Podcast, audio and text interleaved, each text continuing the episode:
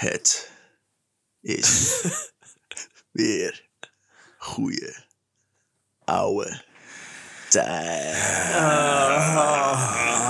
Zo, dit is zwaar. Ik voel me niet lekker. Remy zit hier met zijn zieke hoofd. ja, Maar wat is goede Nou, oude dan? hey, ik zat de vorige keer hier ook met een ziek hoofd. Maar daar kwamen we pas de volgende dag achter toen ik positief Ja, testte ja, voor COVID. lul, de en behanger. jullie ook. Toen we allemaal corona hadden. Door jou. Ja, dat was fijn. En nu zit ik ziek eh, met mijn astmaproblemen. Dankjewel, Tim. Godverdomme. Als je de uh, vorige aflevering terugluistert, inderdaad, met, eh met eh, Titia Gerards en, eh en Struent. Titia Bergsma. Bergsma. Bergsma, Gerards, whatever. Balthazar Gerards, Als je die Titia afleveringen Bergsma. hebt gehoord, dan hebben jullie nu ook COVID-19. Dan, eh, dan hoor je Tim ons COVID geven. Live. Live. maar eh, Remy, wil je je Oh. intro nog een keer doen? Of eh, ga je het, je gaat het gewoon zo houden? de Nederlandse geschiedenis podcast. Waarin ik, Remy Kanenau, verhalen heb voorbereid. Waaruit mijn companen Tim, en En Shores. kunnen kiezen. Elke week weer een ander verhaal. Ja. Wat, ze fijn. goed. Het is wel, want we- ik weet, we zeggen het iedere week, maar wanneer is de laatste keer dat we hebben opgenomen? Een maand geleden, denk ik? Eh, drie weken geleden. Zo Drie een weken geleden. tijdje terug, ja. wel Lang genoeg om bij te komen van COVID-19. in Dat is waar. geval. Dat. Voor is in ieder geval waar. twee derde van En er is helemaal niks gebeurd in die Nee. drie weken. Geen enkel ander iets in ons leven waar we commentaar op zouden kunnen Nee, leveren. Nee. helemaal niet. Nee, dus voor de, Alles gaat goed. dus voor, voor de mensen die luisteren en die weten, die dat weten, die denken nu, eh, oké, Het, is het, het geeft een mooi tijdsbeeld van Ja. wanneer dit is opgenomen. drie weken. hey, Huishoudelijke hier heb? mededelingen. ik heb hier... Huis. How to look a maid a daily.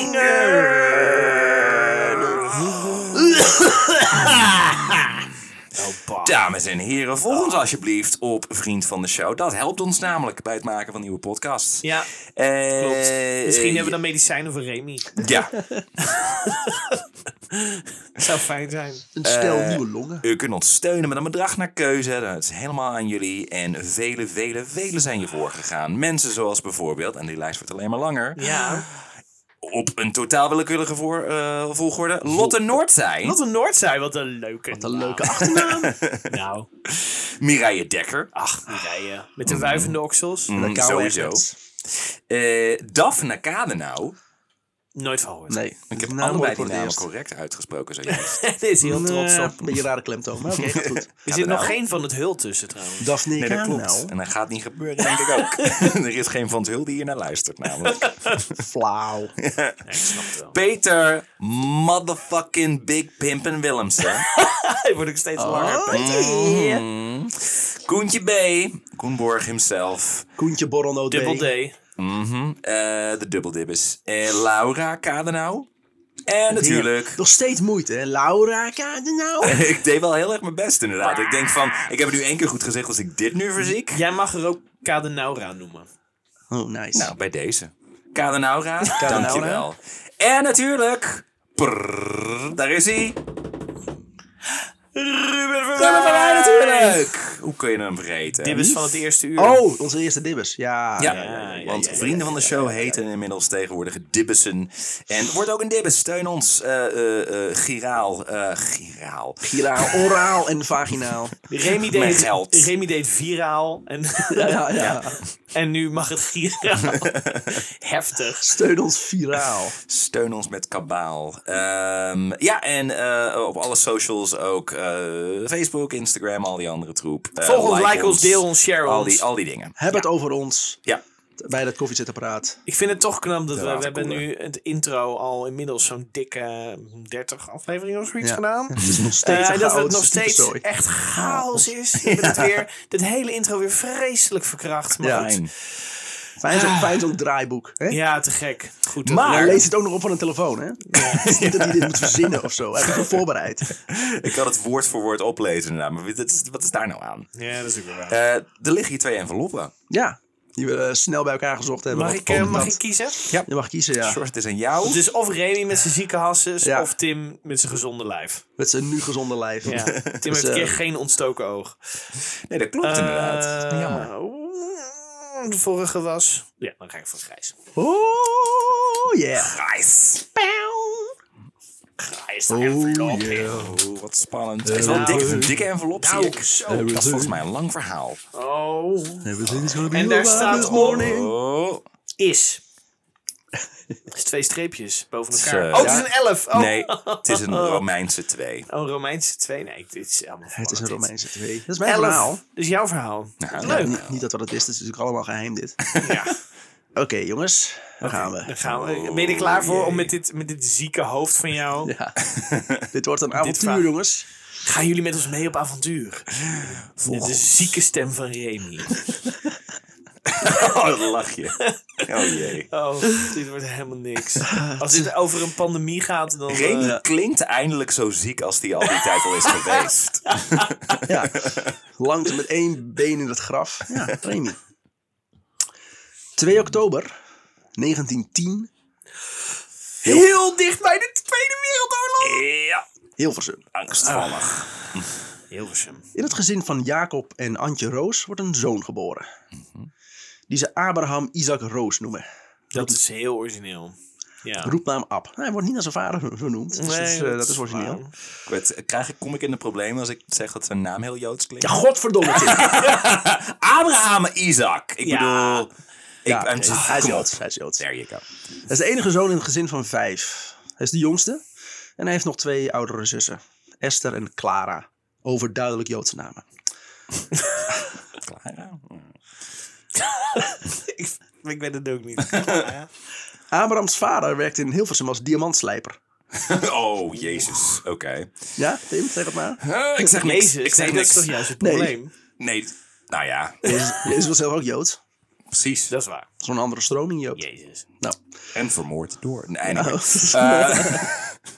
Andere, andere podcast ja. Ja. Als Ab eh, tien is, verhuizen de Roosjes naar Amsterdam. Gebeurt niet zoveel eh eh, boeiends in zijn verdere jeugd. Als Ab 18 is, gaat hij net als zijn vader werken als diamantslijper bij de firma Ascher. De diamantwereld zit een beetje in een crisis na het einde van de Eerste Wereldoorlog. Hmm. Met name in Amsterdam, diezelfde positie van diamanthoofdstad moet opgeven aan Antwerpen. Ah, ja. In Antwerpen is wel goed geanticipeerd op de crisis door een slim systeem op te zetten die het mogelijk maakt dat diamantbewerkers thuis kunnen werken. Grappig hè, dat er een crisis is en dat er dan wordt besloten dat je beter thuis kan werken. thuiswerken. Voor, eh, En dat Nederland daar laat op reageert. te- veel te laat op reageert. We Ja. zijn er pas in 2020 op gereden. Ja, ja. Maar waar, waar bestond de crisis precies uit? Er waren niet genoeg diamanten? Of er waren niet Ja, genoeg waren niet mensen? om genoeg mensen, slijpen? Ah, oké. Niet genoeg op gebouwen die overeind stonden. Uit België, hè, dus dat... eh. Ik wou zeggen, in Nederland. Die deed mee. punt. Wij hebben alleen maar verdiend aan Ja. de Eerste Wereldoorlog. Bij, eh, bij firma Ascher ontmoet eh Ab Rosalie Ascher. Roepnaam Ro. Veel roos. Oeh, En- wordt ze roos? De twee zijn op slag verliefd. Ja, volgens mij wel. Met zijn ouders woont eh, Ab eh, lange tijd aan de Plantagelaan, vlakbij het dierentuin Artis. Zowel Ab als Ro krijgen geen vaste betrekking bij Ascher. Het is echt ook lui afkorten. Abrams Ab. Ja. Of, en de roos wordt dan Ro. Maar is dat, dan, is dat dan de O, OS weg? En ze heet Rosalie. Oh, ze heet Rosalie, sorry. Ja. Dan nog, zeg dan Roos. Zeg maar Roos inderdaad. Zeg niet Ro. Ja, Ro. Ro. Ja, inkt is duur. Iets duur, dus Maar- het is nu RO. Ja. Vormen Ab en Ro later samen een bank toevallig? Is dat waar dit heen Ja, de gaat? A- ABN. Ja. De Apro. De Abro. De Abro-bank. Hilarisch. Hilarisch. En we zijn er weer. Sorry, ik kan het niet laten. Dit wordt niet zo'n ding inderdaad. Hilarisch. Oh, fantastisch. Zowel Ab als eh, Ro krijgen geen vaste betrekking bij eh, firma Ascher. Ja, dat jongen. Ja, het gaat hartstikke goed. Vanwege de crisis is er geen plek voor ze. Zelfs niet voor Rosalie, die gewoon in de familie zit. En de crisis is ook dat ze niet genoeg werknemers hebben. En daarom worden ze niet aangenomen? Ja? Oké. Hey, eh, hoe onderhoud je anders een crisis? dat is ook zo. Ro neemt met hulp van haar ouders daarom de groentehandel, groente, groentehandel over van eh, groenteman Gijzelaar aan de Amstelveense weg. ook een tijdje een groentehandel trouwens. Hallo, hi. Hi, de groeten. Ja, toen maar zes kilo eh goede dagjes.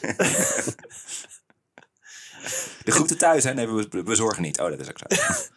En vier jaar later, op 29 januari 1936, trouwen Ab en Ro. Meteen na het huwelijk wordt de zaak op naam van Ab gezet. Ze wonen en werken ruim drie jaar op de Amstelveense weg. En verkopen onder andere fruit en vis. En comestibles, oftewel delicatesses. Comestibles. Ja. Comestibles. Zijn dat diamanthuisjes? Je spreekt het waarschijnlijk anders uit, maar diamanthuis is een mooie grap. Het duurt ook lang voordat ik bij jou binnenkom. Maar je bent ziek, dus ziek, ik, ja. ik, ik, ik keur het eh, Ik keur ben het aan het goed. eilen. Ik denk, ik maak je nou een leuke grap. Nee, het je hoofd. combinatie- Dat kan niet, dat kan niet. De combinatie fruit en vis vind ik... mm, klinkt niet heel Augurk en, en haring. Oeh, Oh, ja. lekker. Ja. Ah, Haring- augurk is ook. Ja. Ja. En dan de vogelkiwi bedoel ik. Dat noemen we wel een land of, of, een, of een luchtvis. Dus dan, eh, dat kan gewoon. Een luchtvis. Ondertussen in, eh, in, eh, in Duitsland Wat is er dan? Uh-oh. Tan, tan, tan. profiteert een of andere nationaal-socialistische Eerste Wereldoorlog veteraan. Hè? Een, eh, Oh, wacht. Ik, denk dat ik, het, ik denk dat ik het weet. Is dat die Hitler? Ad- Adolf Hitler, ja. Ad- Oh? Adolf Hitler. Ja. Ja, dat Maar is ze Ad. Ja Is dat- nee, maar ik weet wel wie dat is. Adhiet. Hey, Adhiet. Hey. Adhiet. Ik ga lekker profiteren van de crisis. Ja, en dat is die die in 39 de Nobelprijs voor de Vrede had gewonnen. Die, Of hij was ja. genomineerd voor de Ook Nobelprijs de man van. Eva Braun. Ja, dan, het, Ja. neuk- het neukertje van Eva Braun. Die Man van... Die schilder. die schilder. Ja. De, nou, die man dus. Die eh, profiteert van de, eh, de crisis in zijn land. Oh. Die een vo- voedingsbodem eh, vormt, eh, wordt voor zijn antisemitistische ideetjes. Zijn populariteit neemt een enorme vlucht. En onder de Duitse Joden neemt de onrust toe. Ik, het, het- trouwens, eh, kun je iets langzamer gaan, want ik moet allemaal aantekeningen maken. Ja, want dit is Dus- nieuw, toch? Ja, ik wou zeggen, ik bedoel... Nooit dus, gehoord. Dus er is antisemitisme in Duitsland? Ja. Oh, oké. En in welke tijd zitten we nu ongeveer? Was het 17e eeuw? Tussen 1933 Oh, en jeetje. 1937 Toen. vlu- vluchtte Was er in de- Nou, Sorry. ik ben nog steeds aan het verwerken. Ik ben Ja, heel blij dat jullie praten. En dat geeft mij gewoon even Ademruimte. niet dood te gaan. Ja. Vluchtten er ongeveer 140.000 Joden voor de toenemende anti-Joodse agressie in hun thuisland. Tienduizenden daarvan zoeken een veilig heenkomen in het buurland Nederland. Ook met het idee, van gehoord. zij zijn toch altijd neutraal in elke oorlog. Precies. Gaat goed Kan komen. alleen maar goed komen. Terug naar de familie Roos. Die het assortiment van de groentewinkel hebben uitgebreid. Het is nu een mini-supermarkt geworden. Niet alleen de winkel is uitgebreid, maar ook het gezin. Hun eerste kind wordt geboren op 9 maart 1937. Genaamd Jaap. Maar ze noemen, Maar hem ja. Ja, Roos. Ja, Roos. Vernoemd naar de vader van Ab, want zo doen ze dat weer wel. En zoon nummer 2, Sal, volgt op 5 augustus Maar ze 1939. noemen hem... S- ja. ik- Ja, hij is eigenlijk Salomon volgens mij. Sal is daar een overkorting van. Beide families van, eh, van Ab en Ro hebben inmiddels eh, ook eh, de arme Jodenbuurt in Amsterdam verlaten. En hebben een intrek genomen in de nieuwe huizen gebouwd in Plan Zuid. Door de inmiddels bekende architect Berlage. Onder andere bekend van de beurs van Berlage. Ja. Hele grote portemonnee had hij. Ik bedoel, ze hadden, ze hadden een- plan voor een beurs van Berlage. Dus ze dachten, ja, dan moeten we hem maar vragen. Ja. Anders is het gek. Ja. is het vreemd, ja. Ja. Ze hadden eerst de naam. Ja, anders is het En toen-. En toen zijn ze gaan zoeken naar Ja. iemand die zo heette. Ja, precies. Beurs van Gaudi, nou, dat werd het niet. In de jaren 30 wonen er alleen nog de allerarmste gezinnen in de Jodenbuurt. Het zijn zorgeloze jaren voor het jonge gezin. Het gek is, die wonen er nu niet meer.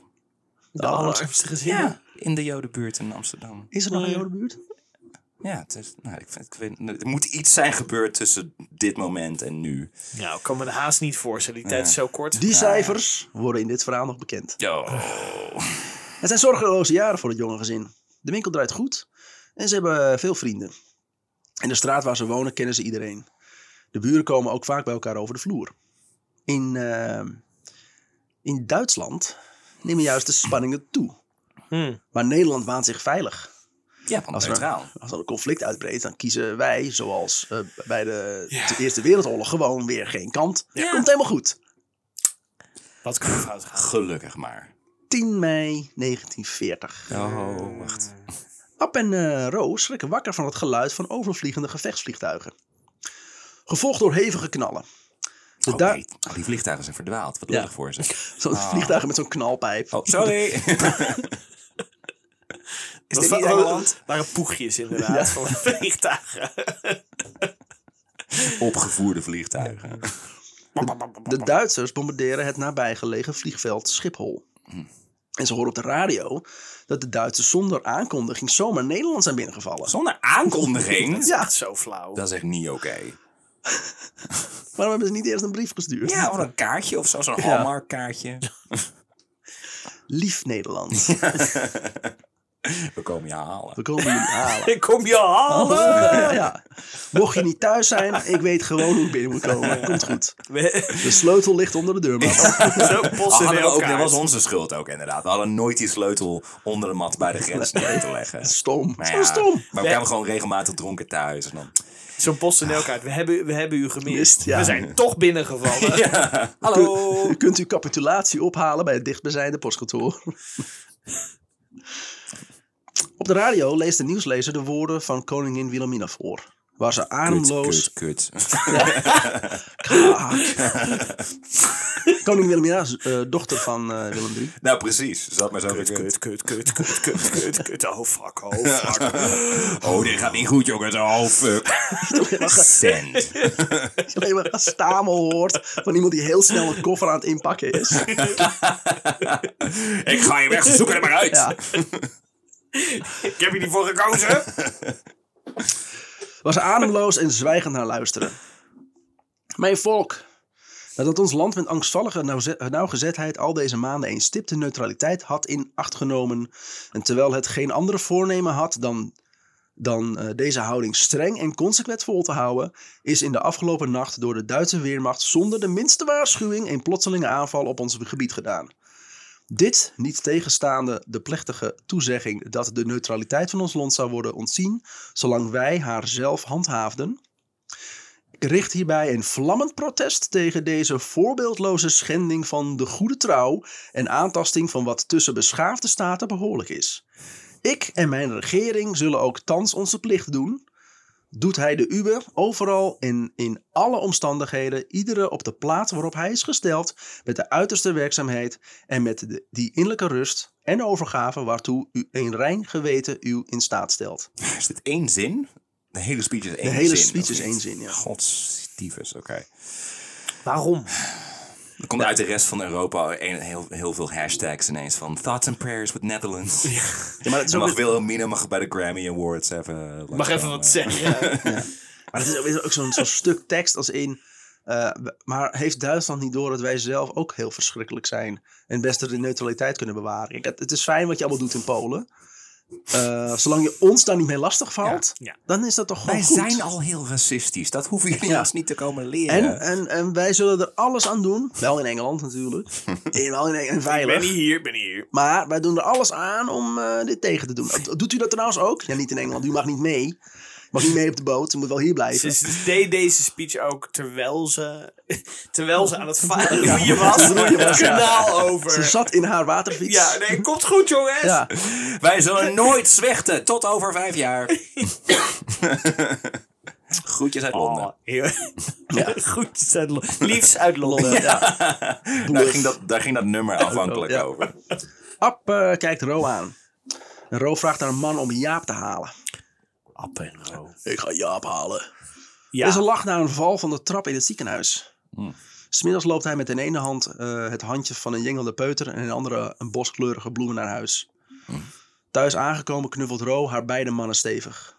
Op de dag waarop de oorlog uitbreekt is Ab 29 jaar.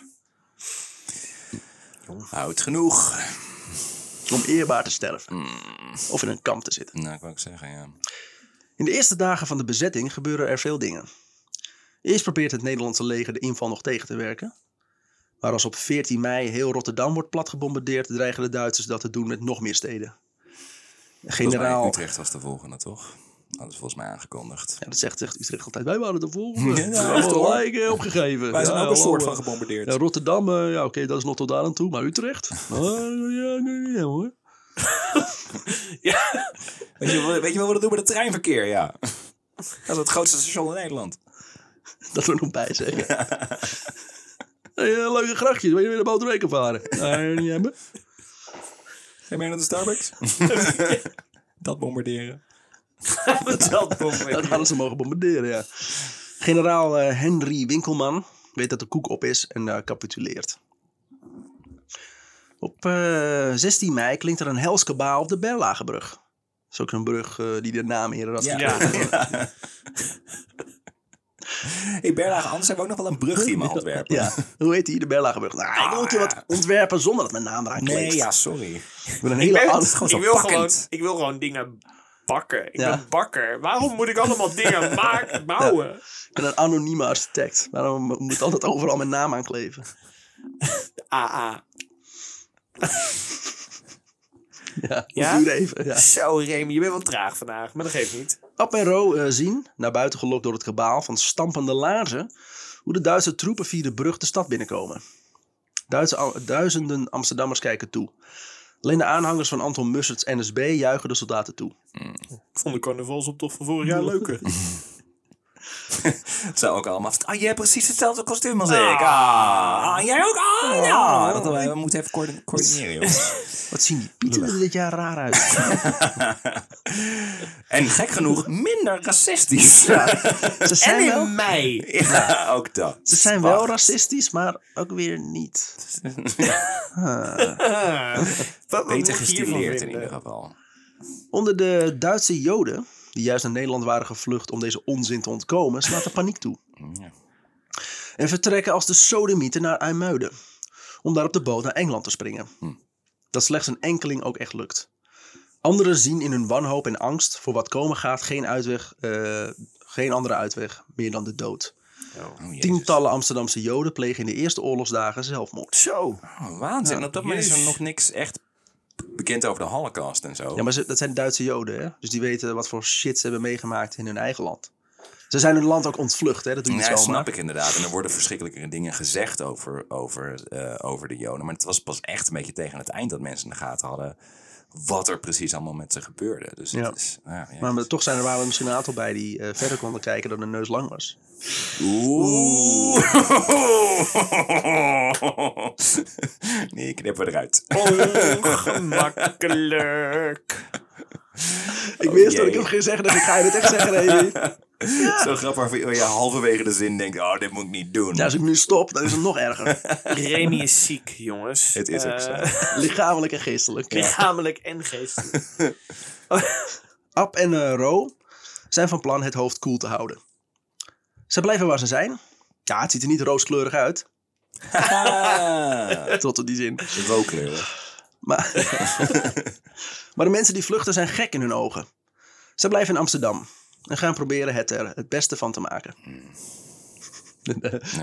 ja, Ja, de voorspellende kreun van Tim. ja nou, Eh, anders was het einde aflevering goed. geweest ook. ja. Sorry? Het ging zo goed ook met mensen Ja. die in Amsterdam bleven. Ja. Hier, maar hier hebben ze inmiddels, al- eh, inmiddels alles. Een goed eh, lopende zaak, gezonde kinderen, familie en vrienden. Ze zijn jong en weerbaar. En zomaar alles opgeven, dat doen ze niet. Voelt het, voelt het voor jou ook een beetje als, als, als de eerste 10 minuten van een Black Mirror aflevering? Van kijk eens hoe gelukkig ik ben. En ik heb een fijn huwelijk. En Ja. mijn baan gaat hartstikke Ik heb goed. alles. Ja. Hè, Nou, maar dat viel mij ook al op dat ook, eh net als in de aflevering van Truus van Zuiden, Hmm. dat het heel erg eh, mensen waren die dus alles deelden met elkaar. En wat Ja. jij net ook zei, hè, ze, mensen komen gewoon lekker bij elkaar over de vloer. En het zijn hele lieve mensen die van alles delen met de samenleving, Ja. die alles daar hebben. En dat wordt straks allemaal weggedrukt en dat weten wij. En in de tussentijd dat dit nu gebeurt, dat jij dit vertelt, eh, zijn er nu dus twee jongens eh, onderweg met de fiets naar Frankrijk. En, eh, Als er maar geen boeren tegenkomen. en we hebben, en we hebben Johnny Dry, die Ja. ergens dit- stoer zit te doen. Die is nu nog zich in het verzet. Zit hij nu nog? Eh, oh ja, misschien. Ja. ja, Eh, je hebt eh Sylvester die ergens een, een konijn staat te villen. Ja, je hebt ergens Jozef Sylvester, die held, die staat ergens inderdaad zijn eh te atoomsplits torpedo sneldekram. Hoop ik in één keer. Ja. Nice. Ik heb geoefend. Dus Ja, dat, dat gebeurt allemaal. nou, dat vind ik eh, ook is druk, fascinerend om je dat even te beseffen, zeg maar, wat, eh, hoeveel verschillende levens er op het punt staan geraakt het, was niet al, zeg maar. het was niet alleen maar kut. Sommige dingen waren gewoon grappig. Zoals de Truus van Zuiden. atoomsplits torpedo sneldekram. Ja, Twee keer. nice. Hoppakee. Oh yeah. Oh yeah. Ga door, sorry. Ehm, op 1 juli 1940 wordt de eerste anti-Joodse maatregel ingevoerd. Joden mogen niet langer een functie bij de luchtbescherming hebben. Bij de luchtbescherming? Dat is de eerste regel, ja, bij de luchtbescherming. Jij Blijf van die lucht af! Zij hadden, ja, Ik ga die lucht, ik ga die lucht kapot slaan. Nee, niet doen! die lucht is er voor iedereen. Lucht op, hè? Ja, Remy. Ik ben trots op die zin. Dus door de luchtvervuiling wordt specifiek naar hun wijken zeg maar gepompt. Ja. Dus dat, ja. Zo. Eén dag later wordt de tewerkstelling in Duitsland voor Joden verboden. Oh, Ja, dat is gek. dat is toch gek? Dat is letterlijk wat ze laten, maar oké. Wat? Nog een keer. Eén dag later wordt tewerkstelling in Duitsland voor Joden verboden. Oké, ja. Ze dat ze- mogen niet worden afgevoerd naar het Ja. buitenland om in een kamp. Kamp te zitten, te Ja. werken. Dat willen we is niet hebben. verboden. Dat is raar. Vrij onschuldig Was lijkende het 1 maatregelen. april toevallig? Haha. 1 juli. Ja. 2 juli. 2 juli, ook al het 1 april van juli. ja, dan verwacht je hem het minst immers. Ja, vrij onschuldig lijkende maatregelen. In de herfst stellen de Duitsers het verplicht om, zogenaamde, eh, om een zogenaamde Arierverklaring te hebben. Maar laat, je, laat die van jou eens zien, eh, Tim. Jouw Jij bent wel in mijn andere broek. Jij bent wel het meest Aries van ons drie. ja. Klopt inderdaad. Ik ben wel de enige van ons. De die enige manier waarop FVD jij- stemt. Wat, wat zei ik het hardop? De enige manier waarop je nog meer Ari- Ariër kan zijn, is als je Ari had geheten. Ja. Arie, Arie de Ja, Ariër. dan was ik wel Ariër inderdaad. Arie de Ariër. Maar ik heet Arie. Oh, eh, meer, ver- meer verklaring hebben we niet nodig. Waarin ambtenaren en leraren hun afkomst kunnen verklaren. Als je dit formulier niet of onjuist invult, volgt er per direct een ontslag. En als je Joods bent, word je, dan, hoe- word je hoe dan ook ontslagen. 2500 mensen zitten per direct opeens zonder werk thuis. Eind oktober worden alle Joden die een eigen bedrijf hebben verplicht gesteld dit te melden bij de oh, Wirtschaftsproefstellen. Wirtschaftsproef stellen? Het We willen, het, we willen het alleen maar weten. We willen het alleen maar... Gaan we verder niks meer doen met die informatie. Informatie is macht. het Duitse Bureau voor Economisch Onderzoek in Den Haag. Nou precies. We zoeken het alleen maar. Alle eigenaren van een bedrijf moeten aan de Duitsers inzichtelijk maken hoeveel geld er in het bedrijf zit. De Duitsers laten die waarde vervolgens taxeren. Werken de, Ook dat is totaal niet zorgwekkend. Nee. Hey, als we dit zouden stelen, hoeveel zouden wij daar dan mee verdienen? Niet dat we dat gaan doen natuurlijk. Maar op puur hypothetisch. Ja, eh, hè? Werken de Joden hier niet aan mee, dan riskeer je een maximale straf van vijf jaar. Plus een geldboete van 100.000 gulden. 100.000. Dan is de oorlog wel voorbij. Dus dan... Ja, dat, dat zeggen ze er ook bij. Maximale straf van vijf jaar. Daarna is de oorlog voorbij. En dan moet je 100.000 eh, gulden Ja, betalen. Dat het begin van de oorlog ook de vijfjarige oorlog was. Nou, dus eh, begin van de Vijfjarige Oorlog, jongens. Ja. Ehm, Het begin van het te onteigenen is hiermee een feit. En het isoleren van Joden van de samenleving maakt zijn eerste stappen in Nederland. De nazi's stonden namelijk voor een probleem in Nederland. In andere landen wonen Joden voornamelijk bij elkaar in ghetto's. in de ghetto. Maar in Nederland zijn ze net zoals ieder ander. Jee. Het zijn net echte mensen. Ja. Ik snap dat ze, dat ze, Ze moesten komen ingrijpen. Ze wonen hier gewoon bij de normale mensen. Ja, ze gaan gewoon naar winkels. Ze hebben vrienden en zo. Gewoon en ik vind het niks. vloer. Wat vind jij ervan, Arie? Nou, weet niet. Het invoeren van... eh, Arie de Arie is redelijk gematigd. ja, ja, ik heb hier geen Oh. mening over. Ja, Mijn beste vrienden zijn Moest het Joods. zelf weten. mijn vriend is ook Joods. Ja. Jo. Joden Jood. Ja. Arie, Arie, Arie, Joden Jood. Het is allemaal afkortingen, toch? Ja. Ik match ook altijd met Joodse man op Grindr, dus Ja. ik snap het. Ja, ik weet niet. eh. Het invoeren van anti-Joodse maatregelen gaat daarom stapsgewijs. Zodat de Nederlandse samenleving ze zonder al te veel gezeur of opstand accepteert. Dat is wel Nederland. Gezagsgetrouw volkje. Ja. Regeltjes zijn regeltjes. Hierna komt de wet dat elke Jood zich moet laten registreren bij de gemeente. En er komt een identificeringsplicht. Je moet in alle tijden een legitimatiebewijs op zak hebben. En volgt er ook een verhuizingsverbod. Zei je nou legitimatiebewijs of vaccinatiebewijs? Want dat is immers hetzelfde. Tegenwoordig moet je ook altijd een legitimatiebewijs op zak hebben. Ja, Ja, al een aantal jaar. Ja. Oh, is dat Daar- toeval? Hè? Huh? Hoe, lang Zeg zit, maar. hoe lang zitten we al in de tienjarige oorlog? Daarom. Hè? Nou zeggen. Nou, De tienjarige oorlog? wat had je al? Goed. Ehm, en er volgt ook een verhuizingsverbod. Joden mogen zich niet meer buiten de gemeente waar zij staan geregistreerd komen. Helemaal niet meer komen ook. Dus Nee. niet eens meer verhuizen. Nee, je mag daar gewoon niet meer heen. Komen. Ja. Je blijft in de gemeente. Waar je, waar staat geregistreerd. Ze zijn zo langzaam aan het inperken, Ja. zeg maar. Maar verder is er niks aan de hand. Nee, we schrijven alleen maar dingen op. Dat is, Ja, maar is het, is, gewoon het, een is het nou zo omdat we nu weten wat er een gebeurd lijstje is? met exclusief Joodse namen? Gewoon puur. Gewoon, eh, Gewoon puur. gewoon onderzoek. Gewoon puur. Ja. Wat gek is, het want het is een lijst vol joden. Maar gewoon puur. Wij houden nou helemaal van puurheid. Maar is het, is het nou zo omdat wij weten wat er gaat gebeuren, dat dit zo angstvallig maakt?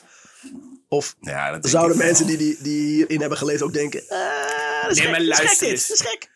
Maar luister, eens, als je zegt, je mag als Jood niet meer Ja. gewoon buiten je gemeente fietsen, bij wijze van. Ja. Dat is al wel Ja. heel alarmerend hoor.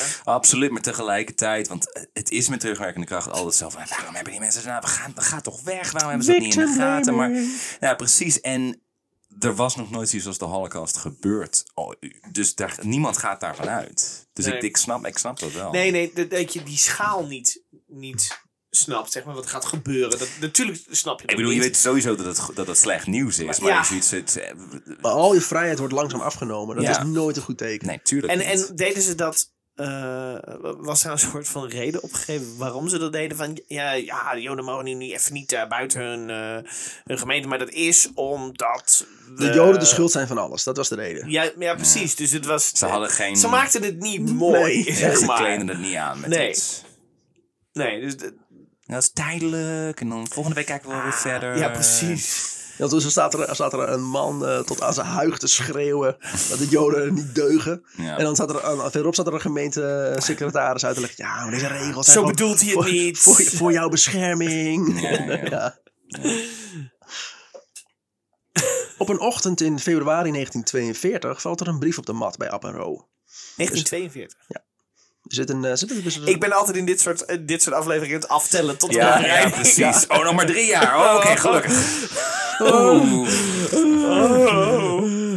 Ik wil niet Ehm. mentaal weer gebroken worden. Er zit een Duits stempel op. Mm. In de brief staat dat de winkel van App en Ro onder de bewindvoering van Omnia valt. App heeft geen idee wat dit betekent, Nee. net zoals Jos en Tim. Omnia is, is de Ahold van Duitsland? Nee, ik weet het niet. Maar Omnia is een groot Duits accountantsbureau. Eh, die in heel Europa zich ontfermt over de Joodse tegoeden. Dat, dat doen ze ook gewoon. Dat gaan wij nu. Dat is nu gewoon van ons. Ja. En wij hebben dat bepaald. ja. Deze tegoeden worden onder dwang doorgesluist naar de Duitse staatskas. ja. Omnia zorgt tijdens de oorlog voor de liquidatie van zo'n 22 Duitse Joodse ondernemingen. Zij maken Dat on- konden de Duitsers wel goed ja, liquideren. Liquidaties ja. eh, smaakten naar meer, inderdaad. Ze maken onderscheid tussen twee categorieën. Zaken met waarde krijgen een bewindvoerder, Omnia, die vanaf, de eigenaar, die, eh, die, die vanaf dan de eigenaar van de zaak is en begint met het liquideren van de waarde. En zaken zonder waarde, deze worden gelijk verkocht. Firma R. Ascher, de groentewinkel van App en Ro, behoort tot de eerste categorie. Vanaf eind september 1941 mogen Joden niet meer deelnemen aan markten, veemarkten en openbare veilingen en goederenbeurzen. Maar de Nederlandse Bond van Marktkooplieden schrijft, eh, schrijft de Duitsers onmiddellijk over de funeste gevolgen als zij overgaan tot dit verbod. En dat ze een soepele houding moeten hebben eh, bij het uitdelen van uitzonder, eh, uitzonderingvergunningen, de zogenaamde sperres. De sperren. Maar is dat omdat ze, ze zijn bang voor, de, voor wat het met de economie doet? Ja. Zeg maar als ze ze ineens eruit Ja, die Joden, oké. Maar de economie, dat is belangrijk, moeten we beschermen. Want daarom, want ik zat me net af te vragen, waarom hebben ze het zo ontzettend geleidelijk gedaan? Is dat gewoon in de, in de hoop dat dan niemand in de gaten heeft waar ze mee bezig zijn? Want het is niet vanaf dag Ja. één, je mag nergens meer komen, alles is van ons. En eh, het is echt Ja, we zouden wel door dat als we dat, dat te hard doen, dan gaan Nederlanders rebelleren. Nou ja, Daar houden we niet van. Ja. De, Joodse Raad doet inmiddels ook hetzelfde. Die gaat dus ook op advies bij de Het is een beetje Duitsers. zoals je, van, een, jongens, zoals je we moeten kreeft klaarmaakt, toch? Dat je heel langzaam aan de temperatuur opvoert en dat de kreeft niet in de gaten heeft dat hij... Zo maak ik nooit kreeft, eh, kreeft klaar. Ik sla er nooit. Heel hard op met een hamer. En dan schreeuw ik er tegen. Dood moet je! En dan, I en dan, heard its feelings. en dan huil je en dan noem je het papa. En Ja, dan, en dan eh, ik eten. Dan probeer ik het bij elkaar te rapen. Het spijt me, het spijt me. Waarom ben ik zo? Ja. En vervolgens sta ik in de supermarkt te kijken naar andere kreeft. En denk ik, zouden het familie van elkaar zijn? Zouden ze het weten? Zouden ze het weten? En daarom is je stem zo negatief. Ze heeft gewoon gisteren kreeft gegeten. Ja, Dood! Kreeft eten is voor Remy echt zo'n gedoe altijd. Hij vindt het zo lekker. het is niet echt het eten, het is meer het klaarmaken. Waar ik, eh, waar ik helemaal goed op ga. Daar flikkert hij het weg ook. Hij eet de kreeft ook niet op. Hij, hij likt zijn schil. Ja, Dat is ja, het. een licht schil, ja. En huilt. Twaalf Doe af? de, doe nee, de op, doe mijn antennes op mijn hoofd en schilder mezelf rood. Zodat ik me kan identificeren met een ja, gekookte kreeft. Want kreeften zijn ook helemaal niet rood. Ken je vijand. En dan, schreeuwt hij naar een salade. Hou van mij! Ik weet ook niet wat Je hebt nooit van me gehouden. De Joodse Raad voor Oh. Amsterdam was een, Oh ja, daar was, we het. Hadden over. was een op eh, initiatief van de Duitse bezetter in februari 1941 in het leven, leven geroepen Joodse organisatie die de Joodse gemeenschap in Amsterdam moet, moest besturen. Dat was één zin. Nice. Waarin vijf keer het woord Joods. Ja. Ze wil wel heel duidelijk, ze wil Joods- zeker weten dat iedereen wist waar het om ging. Dit is de Joodse Raad voor Joodse mensen die Jood zijn. dat is de hele titel. Eh, Joodse Joden, dat zijn de ergste. Deze raad kreeg na een half jaar de bevoegdheid over geheel Nederland. Via de Joodse Raad gaf de bezetter bevelen aan de Joodse gemeenschap en haar leiders. Zodat de instantie tot een doorgeefluik van anti-Joodse maatregelen werd. Hoe fucking raar is dat? Ja. Ja, het, En die hadden waarschijnlijk het idee van, ja, als we, als we tenminste betrokken zijn bij de organisatie, dan kunnen we misschien van binnenuit nog, ja. hè, er nog iets aan doen. En, en, of mensen die zichzelf waarschijnlijk ook knetterbedreigd voelen en het idee hadden zo van, ja, dan houden wij ze tenminste nog langer te vriend. Is een, ja, ja. If you can beat them, join them. Ja. Er worden maar enkele uitzonderingen uitgedeeld. En aan het einde van september zijn er geen Joden meer te vinden op markt in Nederland. Joden komen sowieso niet meer op de markt. Ten eerste is dat ze verboden. Maar ook omdat de toegang tot groente, vis en slagerswinkels is ontzegd. Ach. Mogen ze ook niet meer heen. De Joodse raad nopen zich tot het opzetten van een speciale afdeling groenten. Verantwoordelijke voor alle in- en verkoop van groenten in Amsterdam. Zij wijzen winkels aan die een uitzondering eh, krijgen om te blijven handelen. Oh, oké. De raad ziet erop toe dat iedereen de kans krijgt groenten te kopen. Oké. Maar is, het- is dat echt zo? Of? Ja. Oh, oké. Ja. Gelijk, gelijk argwanend. Ja. Is dat echt zo? Ja. Ja, ja, dat is zo. Ja, jij niet. zegt Ja. wel vaker dat iets is. En dan is het niet zo, Remy. Kopen ze niet gewoon nu eh, rood van kool? Wat is dit? Ja. Weet je nog uh, rode van kool? Ja. Ro- rode kool? Ja, Rood rood, van van kool. Kun je er anders wat tekens bij? Ja. De raad heeft afgesproken met de bezetter dat ze 10% van de groenten mogen verkopen. Maar meestal blijven er voor Joden restpartijen over. Ja, zal wel, ja. Ja. Het is alleen de schil van deze, Kreeft. ja. deze uitgeschreeuwde kreeft. Deze, deze kreeft is mentaal gebroken. Ja. Door, De Remy door Kanenau. Remy. Oh, de tijdreiziger. Ja, die ja. Het is wel mooi dat jullie hem in zout water bewa- eh, bewaren. Nee, dat zijn zijn tranen. Van Remy of van de kreeft? Ja, allebei een beetje. De kreeft maakt geen geluid als hij gekookt wordt. Hij huilt wel heel hard. Dat, dat doet hij wel. Maar je hoort het niet, dus Nee. dat is fijn. Duizenden Joden hebben door al die ingevoerde maatregelen inmiddels geen werk meer.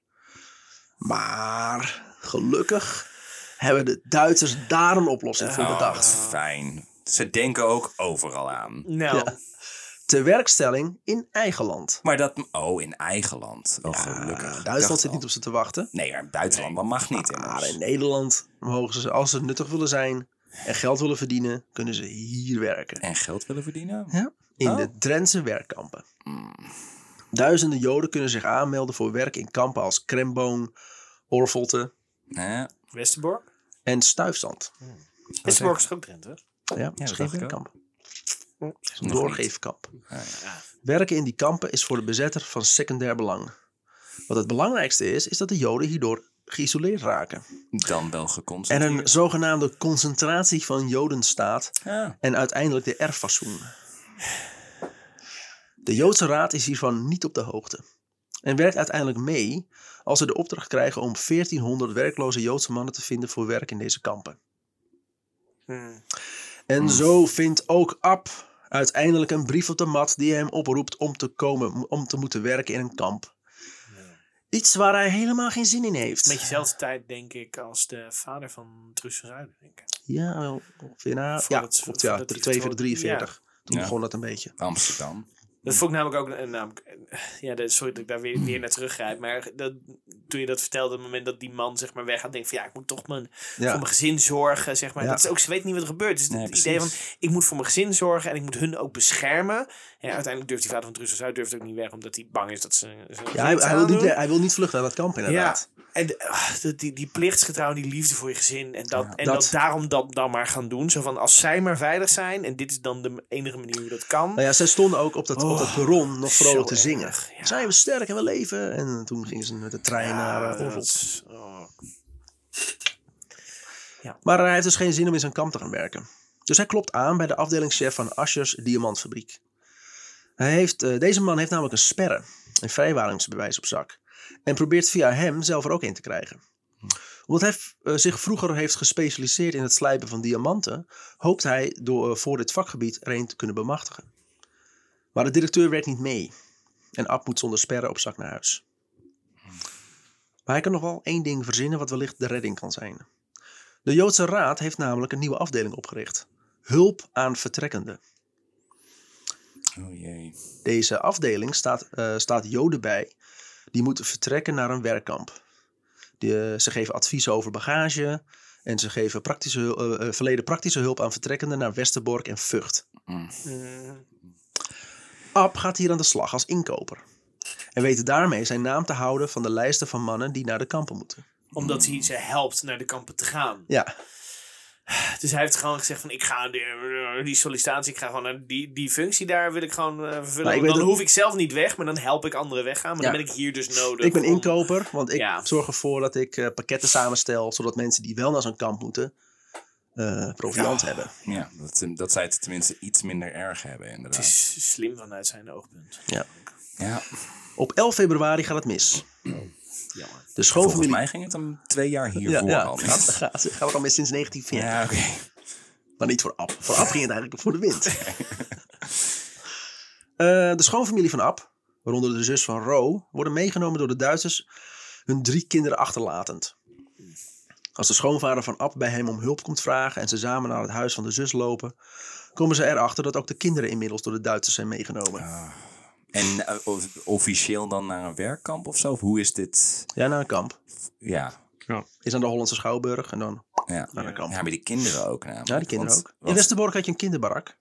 Maar ze, ze begonnen toch eerst met jonge mannen met het idee van... oh ja, nee, dat zijn werkkampen, die gaan alleen maar werken. We en zitten dat is halverwege allemaal... de Tweede Wereldoorlog. Ja. Ja, oké. Dit is al een aantal maanden verder. Nu zijn de razzia's begonnen eigenlijk. Mm, oké. Dus het is al eens iets minder schaamteloos, iets openlijker van... nee, je moet gewoon allemaal weg. Ab, Ro en haar vader zijn eh, door verdriet verscheurd. En Ab bevestigt goed dat het ieder moment over kan zijn. Op weg naar huis lopen Ab en Ro in een fuik en worden opgepakt. Urenlang wachten ze op het Adema van Schelteplein op hun beurt. Links is eh, Westerbork, rechts is vrij.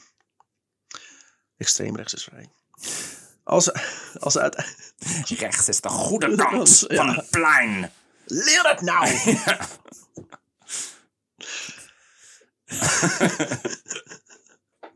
Kunnen we het gewoon weer hebben over kreeften? Want ik wil Wat gewoon een niet- leuke tijd was het al. Ja, weet je nog? Ik wil gewoon niet weer zo meteen weer mentaal. Nou, het, is, het stomme is, elke keer als ik een verhaal wil kiezen, denk ik... Wat gaat dit met George Wat doen? gaat dit met George doen? Het is wel in de Tweede Wereldoorlog. En ja, het heeft met Joden te maken. Ja. En ja, met kampen. En, nou, ik doe het gewoon. ja. Ja, zolang kampen er maar in voorkomt. Nou ja, Het is gewoon, eh, bij mij is het heel snel, zodra je zegt, en de kinderen zijn ook afgevoed. denk ik, oh, Eh, Oh dan ja. raakt bij mij altijd een extra eh, Geef mij plekje. Oh, Ja. dat wordt nog zo leuk.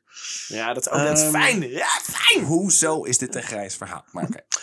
Omdat eh Nee, we gaan niet die discussie weer voeren. midden in de aflevering. Nou, nou, ik vind het grijs eigenlijk. eh, links is Westerbork, rechts is vrij. Als ze uiteindelijk aan de beurt zijn, fluistert de medewerker iets in het oor van de man die de selectie uitvoert. En dan mogen Ab en Ro naar buiten. Hm? Ze mogen naar rechts. Ga naar rechts. Ze mogen naar huis. Oké, wauw. Bij de volgende inval heeft Ab zich voorbereid. Maar wacht even, ik moet even. Dus, dus zij worden een soort van in een fuik gelokt. En dan gaan al die. de- moeten ze daar allemaal gaan staan wachten. En dan is dus één kant. Mag je dus weer naar huis. En aan de andere kant word je naar een kamp gebracht. Maar waarop wordt dan geselecteerd? Wat, wat is Ja. dan de. de, de... Omdat ze waarschijnlijk maar zoveel mensen per keer mee kunnen nemen. Maar uiteindelijk gaat natuurlijk iedereen. Maar waar kijk je dan naar? Dan, je kan toch ook zeggen: van, oké, zonder hier zijn in de kunnen middenlijn. werken. Nou, je, moet, je hebt dus een legitimatiebewijs op zak, die moet je afgeven. Ze zien dat hij eh, Ab, eh Ab, eh, Ab en Ro, eh, Ro zijn. En eh Ab werkt dus natuurlijk als inkoper.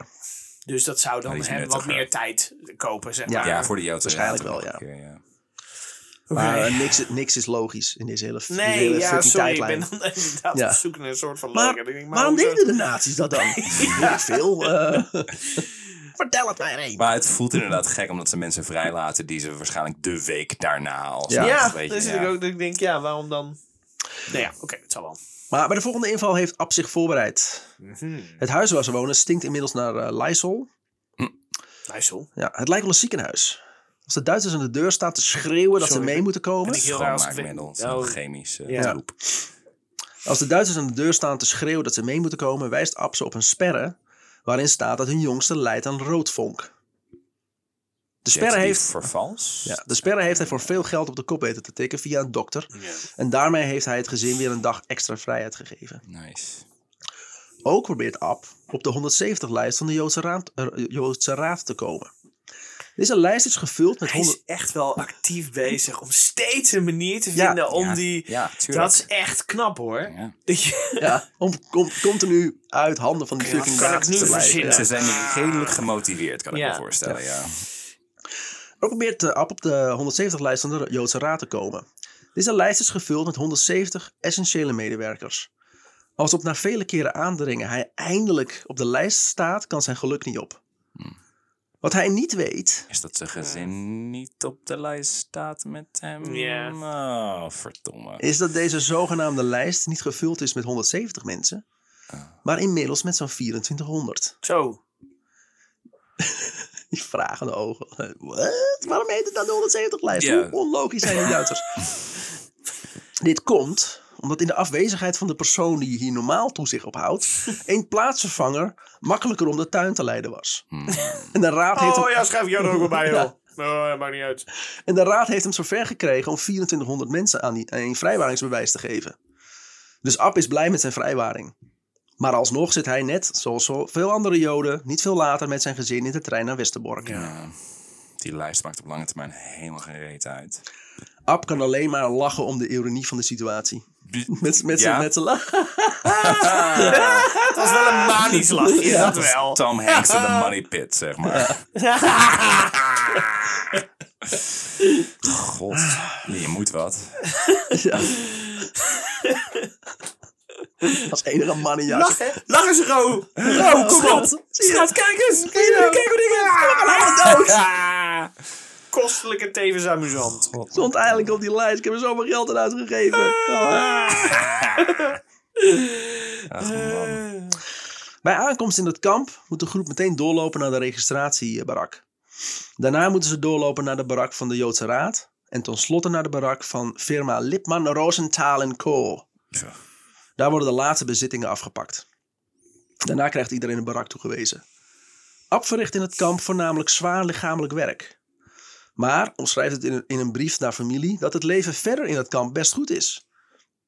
Als je de transporten naar het oosten wegdenkt, dan is het leven in Westerbork veel beter dan in Amsterdam. Jezus Christus. Het is ook zo knap om Auschwitz is helemaal niet zo erg als je de moordpartij en de hongersnood en de, het gebrek aan eten en de kou en de nazi's en de honden. En de- als je dat allemaal wegdenkt, dat is het Disneyland. Ja. Jezus Christus. Het is wel knap hoe die toch soort van dan maar al het, al het positieve wat er is, ook waarschijnlijk voor jezelf en voor je gezin. Nee, maar ja joh, je moet het gewoon zien als een eh, vervroegde vakantie. Ja. Ah, We kunnen een keer gratis met de trein. Hè? Zijn we niet blij? Zijn we daar niet allemaal blij om? ja, we hadden geen boekenweek geschenk voor hoeven kopen. In het eh, kamp eh, komt Ab een oude bekende tegen. Een man wie hij eerder, jaren eerder in de oorlog nog had geholpen aan eten. Deze Duits-Joodse vluchteling had geen eh, bonnen, maar desalniettemin hielp Ab hem aan eten. En nu, ho- eh, en nu na het horen van Abs lichamelijke kra- klachten, regelt deze man een sperre voor hem, zodat hij, eh, hij en Ro geen zware arbeid hoeft te verrichten. Ja. Oh wauw. En mag hij aan de slag bij, den, bij innendienst im zitten in den barakken. Oké. Zit gewoon binnendienst en gewoon zitten. Ja. Wauw. Waarom moeten die Duitsers die woorden allemaal zo moeilijk maken? Ja, ja. Zeg nou gewoon zitten. Zittend, zittend werk. In een barak. Dat is het eigenlijk. Ja. Hiermee krijgt hij verschillende taken. Waaronder de wekdienst, die hij zingend uitvoert. Ah. Wakker worden, wakker worden, wakker worden. Ha! Vandaag is de dag van de rest van je leven. Voor het wakker het zonnetje is al op. De bloempjes komen uit een knop. Ga donder op, alsjeblieft. Ja, dat is Ab weer. Ro eh, mag aan de slag als kinderjuf. En heeft nu de hele dag haar eigen zoons om haar heen. Waar ze fucking eh, geïrriteerd. Ja. Oh, dit is, dit is het ergste wat je maar kan bedenken. Ja, ja. Dit, oh, de hele dag met mijn eigen kinderen. Oh, er, er komt in een lijst met, met mensen die naar het oosten mogen. Oh, alsjeblieft, ik sta erop, ik sta erop, ik sta erop.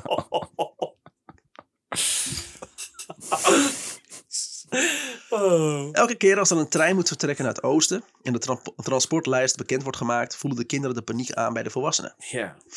Roos zingt daarom een liedje met de kinderen als de lijst is opgenoemd. Op een klein stationnetje, 's ochtends in de vroegte, Oh, nee. stonden zeven wagonnetjes netjes op een rij. Ik kan dat liedje nooit meer horen nu. Nee. Ab eh, ziet eh, wel in dat ook zij uit, een, uit, uit een uiteindelijke enkele reis naar het oosten niet kunnen voorkomen. Inmiddels weten ze wat er gebeurt in het oosten. Een ja. lot die als het aan hem ligt hen bespaard zal blijven. Echt dat Ab echt een Daarvoor is. zou hij en zijn gezin uit het kamp uit moeten. Zijn belangrijke werk voor de Joodse Raad en het feit dat hij goed Duits spreekt, leggen hem daarbij geen windeieren. De Duitsers zijn dol op de extra's die hij altijd weet te ronselen voor de levensmiddelenpakketten. Op een dag komt een leidinggevende hem vertellen dat hij naar huis mag. Oh. In Amsterdam moet hij opnieuw voor de aanvoer van pakketten regelen, zorgen. Maar Ab weigert. Hij wil niet het kamp uit? Niet het kamp uit. Zijn Zonder gezin gezin. verlaten? Alleen als mijn gezin mee mag. Ja, natuurlijk, ja. ik wel, ja. Eh, Ab krijgt als tegenbod dat hij één kind mag meenemen. En alsnog zegt hij, Selfish Fuck choice. you. mijn hele gezin of ik ga niet. Ja. ja. Eh, het gezicht van de man betrekt. Vind ik niet leuk. Dit is ja, een, Onvoldoende. Duitsers, kunnen, Duitsers kunnen gelukkig heel goed met tegenslag omgaan. Ja. Oh, dat begrijp ik wel. Ja, nee, dat is, ik, ik snap. Ik zie ook jouw kant van de situatie. Ja, heel erg empathisch zijn ja, als je het zo Ah. brengt. Zo'n knuffelnatie. Ja. Zo'n zo'n troetelfascist. Ik heb thuis ook een zoon. Zoon. Het gezicht van de man betrekt. Maar hij geeft toe. Oh, Het hele gezin mag naar huis. wat fijn. Het gezin van Ab is niet de enige die weer terug naar Amsterdam mag. Nog zo'n 50 andere Joodse mannen, vrouwen en kinderen hebben die twijfelachtige eer eh, gekregen die dag. Als blijk van waardering van de bezetter mogen deze uitverkorenen terug naar huis, omdat zij het Duitse Rijk zo goed hebben gediend. Het is een wrange beloning, maar op de trein naar Amsterdam, eh, op de trein naar Amsterdam is beter dan op de trein naar Polen. Ja. Terug aangekomen in Amsterdam komt Ab erachter dat de Joodse raad waarvoor hij moet werken is opgedoekt. En dat alle leden zijn gedeporteerd naar Westerbork. Oh. Wat gek is, want hij, moet ervoor- hij moest terug om daarvoor te werken. ja. Als ze naar huis eh, lopen, zien ze dat er andere gordijnen hangen. Ja. En als, ze door de Vroeg ra- af, ja. Ja, en als ze door de ramen naar binnen kijken, zien ze hun eigen spullen niet meer staan. Hmm. Wel andermans spullen. En dozen alles kriskras door elkaar. Dit hadden ze al zo vaak gehoord in het kamp. Dat de bezetter gewoon alles, hun meubels, de winkelvoorraad, zelfs het speelgoed van de jongens ingepikt heeft en naar Duitsland heeft gestuurd. Ze moeten een eh, ander huis zoeken. Maar eerst in, eh, in ieder geval een slaapplek. Ab was al in Westerbork begonnen met het schrijven van familie en vrienden toen duidelijk werd dat ze naar huis mochten. Op een of andere manier heeft niemand in de familie geantwoord. Hm. Maar gelukkig wel twee vrienden, waaronder Clara Kurtz. Deze eindigde haar brief met een kleine kanttekening. eh, waar haar kostganger was, dat is een inwonende waarvoor je zorgt, eh, wist ze niet precies. Zij was namelijk eh, met haar vriend op reis naar Parijs. Clara wist niet of ze nog terug zouden komen. Een rare tijd voor een vakantie. Ab wist, die, eh, wist genoeg hierdoor. Clara's kostganger sliep met een RSB'er en was niet te vertrouwen. Maar ze kunnen nergens anders heen. Het is dan wel gevaarlijk, maar ze hebben geen keus. Aangekomen bij het huis van Clara, die ongeveer een half uurtje lopen verderop woonde, bellen ze aan bij het huis. Als ze open doet, ziet Ab tot zijn schrik dat de vrouw die, ze kende, eh, die zij kende een schim is van haar vorige zelf. De pretlichtjes in haar ogen zijn gedoofd. De mond die vroeger zo vaak vrolijk lachte, is nu niets anders dan een strakke streep. Ab kent Clara en haar eh, man Emiel al jaren. Emiel, afkomstig uit Polen, had samen met zijn broers een groot handel voor de optiek. Dat is de brillenhandel. Het is een goedlopend bedrijf met vestigingen in Belgrado, Wenen en Amerika. Na hun trouwen waren Emiel en Clara, die, eh, Clara die in Duitsland geboren was, in Wenen gaan wonen, om daar de vestiging van Kurtz Co. verder uit te breiden. Toen in 1938 Oostenrijk werd geannexeerd, waren ze gevlucht naar Nederland. In Nederland hadden ze in Amsterdam App en Ro leren kennen. App bezorgde regelmatig boodschappen bij ze. Ook kwamen ze elkaar tegen bij diensten in de synagoge. En de kinderen hadden dezelfde leeftijd en het duurde daarom niet lang dat de families vaak bij elkaar over de vloer kwamen. Dus ze zijn allebei Joods ook. Ja. ja. Uh, maar op het moment dat Emiel en Clara in Amsterdam aankwamen, brak ook de oorlog uit in Nederland. Clara heeft Emiel nog gesmeekt om net als de rest van de familie te vluchten naar Amerika. Maar Emiel wuifde dat weg. Ja. Wat kan er nou fout gaan? Hij heeft nog contacten daar ook, toch? Dus ik bedoel- Ja. Eh, Ja, maar dat is wat jij zegt. Het is gewoon ja. niet, niet weten, niet inzien, eh, niet kunnen inzien. Hè? Nee. Dus dat is, dat is de, eh, Ja. wat er ga- ging gebeuren. Ik, Dus ga niet, kan je ik laat me niet weer voorstellen. Ik laat Ja. me niet weer wegjagen, Ja. dat is het. ja, want hij komt al uit Polen waarschijnlijk als Polen Joodse en dan man. Dus daar was hij waarschijnlijk niet welkom. Ja. Nou, en ze hadden, waarschijnlijk hadden zij de hoop dat het een soort van apartheidssysteem zou gaan worden. Zo van, oké, wij worden duidelijk wel als minder behandeld. Maar misschien dat we hier dan gewoon verder kunnen blijven wonen. Ja. En dat, het daar dan, dat dat genoeg Ja. is. neem nou eens een voorbeeld aan die Nederlanders, zoals ze dat doen in Zuid-Afrika. Ja, precies. Oh, wacht. Daar gaat ook alles zo goed. Nederland. In 1941 werd Emiel, net zoals Ab, gedwongen om te stoppen met zijn zaak. Toen de eerste razzia's begonnen, bouwden Emiel en Clara een geheime ruimte achter hun kast, waarin hij kon verstoppen als er gevaar dreigde. Clara verleende af en toe hand- en spandiensten voor de Joodse Raad. Ook Emiel wilde, eh, wilde weer eens wat gaan doen. Hij wilde zich een beetje. Via via kwam hij in contact met een Joodse beurshandelaar, Alfred Bornstein. Bornstein gaf hem tips over Is waar... dat Joods? Ja, Ja. Joodse Oh. Bornstein. Wacht gewoon op, op de reactie ja. van Tim ook. Zo. Dat is Joods! Ja, dat vond ik niet nodig in deze. Goldberger Wittgenstein. Ja, ja. Wat een Jood. Oh, dat moet ik niet te vaak doen. hè. Remy is niet gezond. Oh, mijn god. Dat, is, dat was niet zo. Haha. Alles voor de humor. Eh, Bornstein gaf hem, eh, Steen gaf hem tips over waarin hij het beste kon investeren en hielp hem met een vals paspoort. Voor Joden was het handel op de beurs namelijk al lang verboden. Emiel was ook in het bezit van een kostbaar 8 karaats diamant. Deze had hij aangeschaft toen ze al hun kostbare, kostbaarheden hadden moeten opgeven bij firma Lipman Rosenthal Co. Ja, goed idee. Dus dit citroengele juweel was bedoeld voor noodgevallen. En als de oorlog over zou zijn, dan hadden ze tenminste iets om te kunnen verkopen en weer een nieuw leven op te bouwen. Iets wat je makkelijk bij, met je mee kan dragen. Ja, dat is ja. Emiel vertelde Bornstein over de diamant. En die had gezegd, verkopen is veel slimmer man. Stel dat de Duitsers hem vinden bij een huiszoeking. Dan ben je alles kwijt. Geld kun je op eh, verschillende plaatsen verstoppen. Emiel moest lang na- over die opmerking nadenken. Je kunt ringen toch ook op verschillende plaatsen. Dat Ja. is een hele rare redenatie dit. Maar Maar Even even, na. Dat komt toch gewoon? ja, Ja. Als je meerdere losse guldens hebt, dan kun je die op allerlei verschillende plekken Probeer maar eens, een, di- probeer maar eens een, een, een diamant tussen een boek te verstoppen. Dat kan niet. Kan niet. Nee, dat kan niet. einde discussie. Ik win. Maar hij vertrouwde, eh, hij moest lang over die opmerking nadenken, maar hij vertrouwde het advies van zijn goede vriend Bornstein. En besloot toch maar de diamant te verkopen. En schakelde Ab in voor hulp.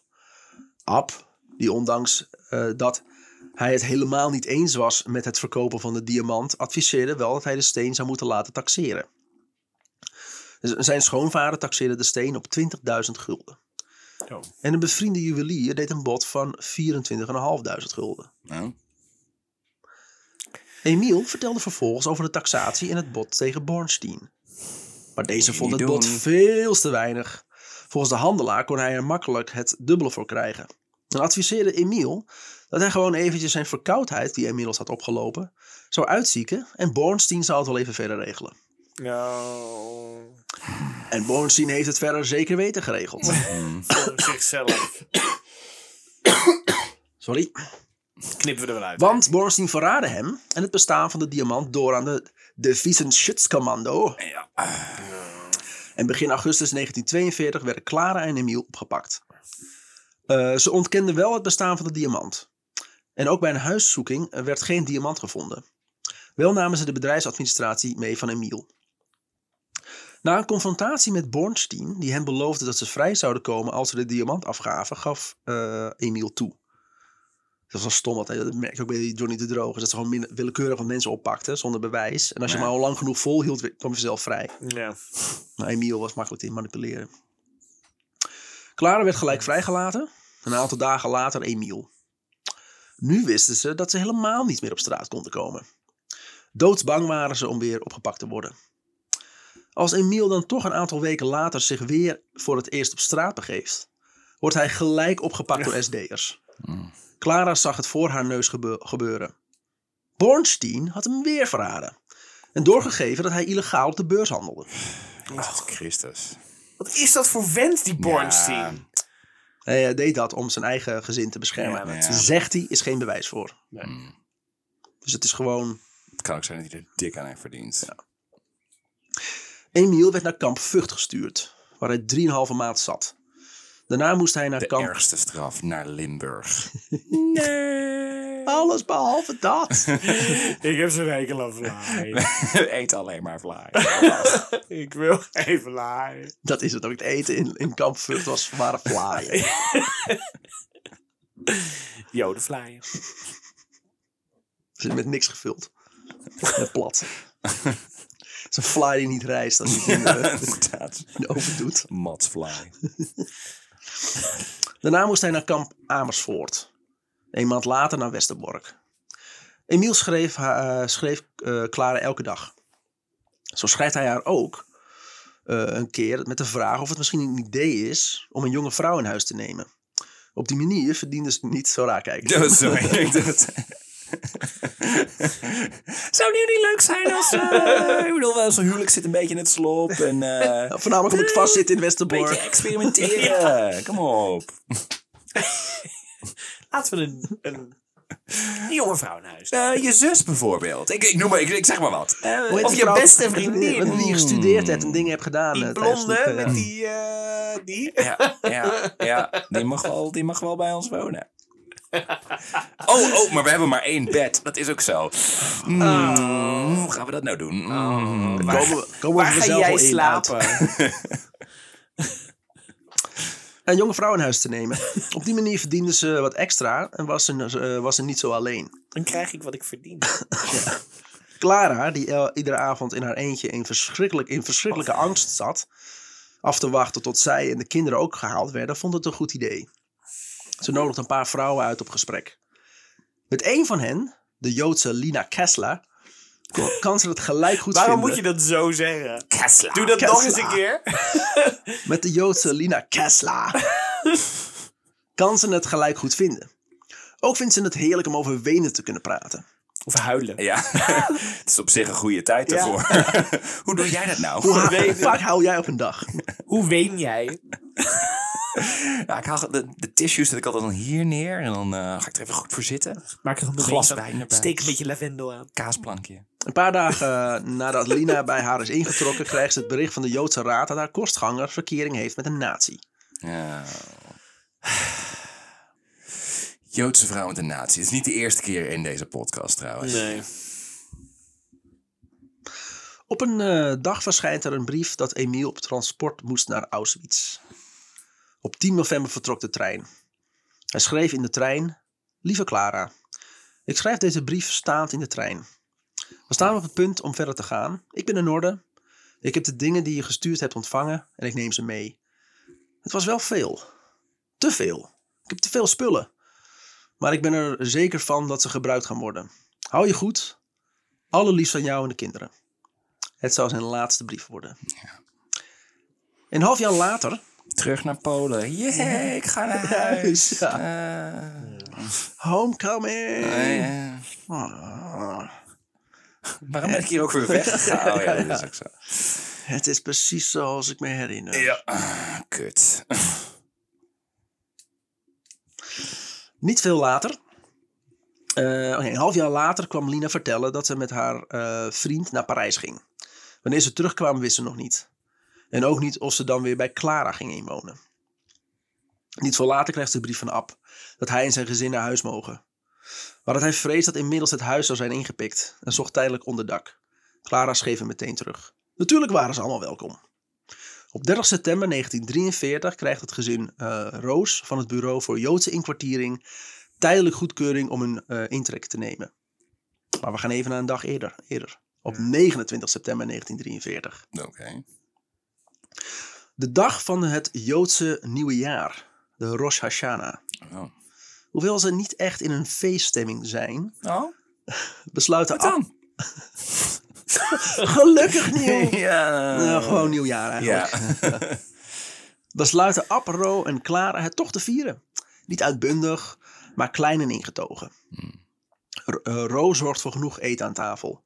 En samen lezen ze uit het gebedenboek. Ze zitten met z'n zeven aan de grote tafel. De kinderen aan de ene en de volwassenen aan de andere kant. De sfeer is iets wat gespannen. Clara heeft eerder die dag gehoord dat haar 120.000 sperren gesplatst is. 120.000 Sperren? Ja. Ja, gewoon haar vrijwaringsbewijs, Oh, eh, die zo. nu niet meer eh, geldig is. Ah, oké. Deze sperre is een speciale vrijwaring die je kan krijgen in ruil voor juwelen. Ze heeft hier niets voor hoeven betalen, maar een bevriende procuratiehouder heeft ze van een eh, bevriende procuratiehouder gekregen. Hmm. Die had ze gelijk gecontact. Maar zo wist hij haar te vertellen dat ze zich niet zorgen hoefde te maken. Dat stempel is gewoon goed hoor. Ze komen echt niet bij je langs. Geloof mij. Ja, mooi langs. En dan is die gewoon de hele tijd van... Nee, maar nu, tot, tot, tot aan hier is het allemaal heel erg geweest voor ons. Voor ons joden onder natiebewind. Maar volgens mij is het nu klaar. Nieuw jaar, nieuwe kansen. Precies. nieuwe. Ja. Ik denk dat het echt niet erger wordt dan dit. Dit wordt ons jaar. Ja. Ja. Het roer gaat om. Hoe meer de man haar gerust probeerde te stellen, hoe minder Clara op haar gemak was. Als ze net zijn uitgegeten, zwaait de deur open. Lina komt binnen samen met haar vriend Paul van der Woude. Klaar. Hollandse naam. Ja. Paul, van der Woude, Woude. ja. Clara schopt Ab onder tafel tegen de schenen. Ze kijken elkaar aan en ze weten, allebei, eh, en weten wat ze allebei denken. Verbergen heeft geen zin en liegen ook niet. Nee. Lina, wat een verrassing! Zegt, zegt Clara en ze glimlacht krampachtig en haar ogen staan angstig. Lina, wat heb je ook ha mooi haar. Geniet er nog even van. Lina, die Clara alleen maar kent vanaf het moment dat ze haar man is verloren. vindt- Mosselvoer. Wat? Lina, die Clara, Roodvonk. Sorry. Lina, die Clara alleen maar kent vanaf het moment dat, dat ze haar man is verloren, vindt dat de begroeting juist oprecht overkomt. Ze kent haar alleen maar als gebroken vrouw. Ja. Oh, je ziet er weer goed uit. Ah.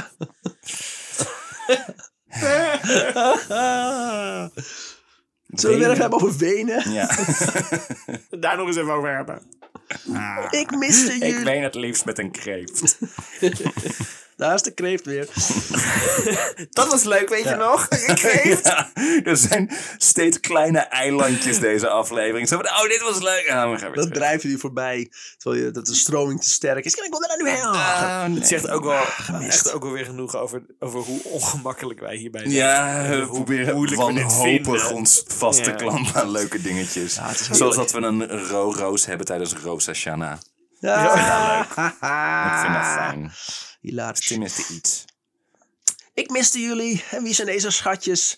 Terwijl ze, vraagt ze, terwijl ze de kinderen van Clara een dikke knuffel geeft en Jaap en Sal aankijkt. Clara legt uit aan Lina dat dit Jaap en Sal zijn. En dat Abraham en Rosalie de ouders eh, van deze kinderen zijn. Ja, en Goede, ja, goede vrienden van eh, Clara. Ze voelden zich wat alleen en daarom wonen ze nu hier. En Lina en Paul eh, schudden de handen van Appa Ro. Had ik, had ik eh, dat nou maar geweten, dan had ik cadeautjes voor jullie meegenomen. Nou, dan moeten jullie maar samen mee spelen. Ro en eh, Clara ruimen de tafel af. Terwijl de kinderen op de grond met hun nieuwe speelgoed aan het spelen zijn. Bij Clara staan de tranen in haar ogen als ze de keuken eh, inkomen. Wat moeten we nou? Ro antwoordt: We kunnen niks behalve rustig blijven. Ab en Paul praten, in Parijs, praten over Parijs, waar Ab ook meerdere keren is geweest. De reden waar- eh, waarom weet Ab steeds vakkundig te vermijden. De kinderen worden vroeg naar bed gestuurd. Maar Paul heeft oprecht niet in de gaten dat ze... eh, Hij weet dat zijn vriendin Joods is, neem ik aan. Ja. Maar van hun niet, per se. Zo mooi dat, mooi dat het le- lekker veel licht hier met die zeven Dit is toch- kandelaar. dit is- Ja, Maar dit is toch tijdens dat, dat Joodse nieuwjaar? eh, ja. Dus Ja. Het is, overal hangen slingers over Rosh Hashanah. Ja, maar in het, in het Hebreeuws, dus dat kan hij niet lezen. Wat een rare graffiti. Ik kan me voorstellen dat de gemiddelde NSB'er niet zo heel veel verstand heeft van Joodse tradities. Nee, dom. gewoon, ik ik, Heel ik- dom er en is mij verteld gekregen. dat ik het moet haten, dus Ja, ik haat het. precies. En wat het dan is, weet ik eigenlijk niet. Dat is toch hoe, hoe racisme überhaupt werkt. Zo werkt racisme inderdaad. Ehm, de kinderen worden vroeg naar bed gestuurd. En Paul en Lina gaan niet veel later ook naar bed. Ab, Ro en Clara blijven nog even beneden in volle spanning over koetjes en kalfjes praten. Uit angst dat Paul en Lina hen misschien wel af zouden luisteren. Oh, jezus. En we gaan dan ook staan. Hoe is dat gesprek gegaan? ja. Het was een lekker weer vandaag. ja. Het was wel warm. Ik had wel zweet onder mijn keppeltje. Ja, en dat, uh, kut! Vertel dat leuke verhaal wat je ook weer had bij die koosje sla slagerij vanmiddag. Sam en Moos lopen door de Kalverstraat. Nee. Nee, dan mogen ze inmiddels niet meer komen. Nee, dat is ook zo. Er zijn winkels. We gingen naar, naar de markt. We gingen naar de markt. Oh, nee, dat mag ook niet meer. Want daar mogen wij heen. Ja. Als, Als mensen. niet, Ja. als niet-Joodse Joodse mensen. Oh, ben jij ook zo'n fan van Jezus? Jezus Chris... Chris? Chris? Crisis? Crisis. Jezus Christus, ja. Zoiets? Oh. Heet De valse koning, die. Ja, ja. Oh, wacht, sorry. Midden in de nacht gaat de bel. Clara is gelijk klaar wakker. Clara, Klaar klaar wakker. wakker. En brengt haar kinderen naar de kamer. Een woordgrap, een onschuldige woordgrap. Dat zegt ze zelf ook. Ik ben gelijk klaar wakker. Ah, een woordgrap die wij niet-Joodse mensen maken.